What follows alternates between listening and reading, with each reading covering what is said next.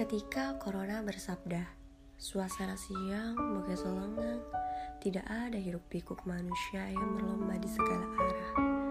Mengalirlah sebuah percakapan antara Corona dan bumi layaknya sejoli.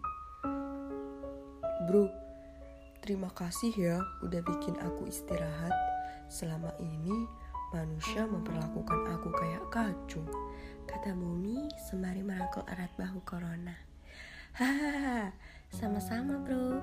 Kesel juga, padahal cuma numpang. Bisa-bisanya kebersihan ditaruh di nomor sekian. Mau banget mereka aku serang. Tapi gak nyangka sih efekmu bisa seledak ini. Kamu benar-benar hebat bisa bikin manusia berubah.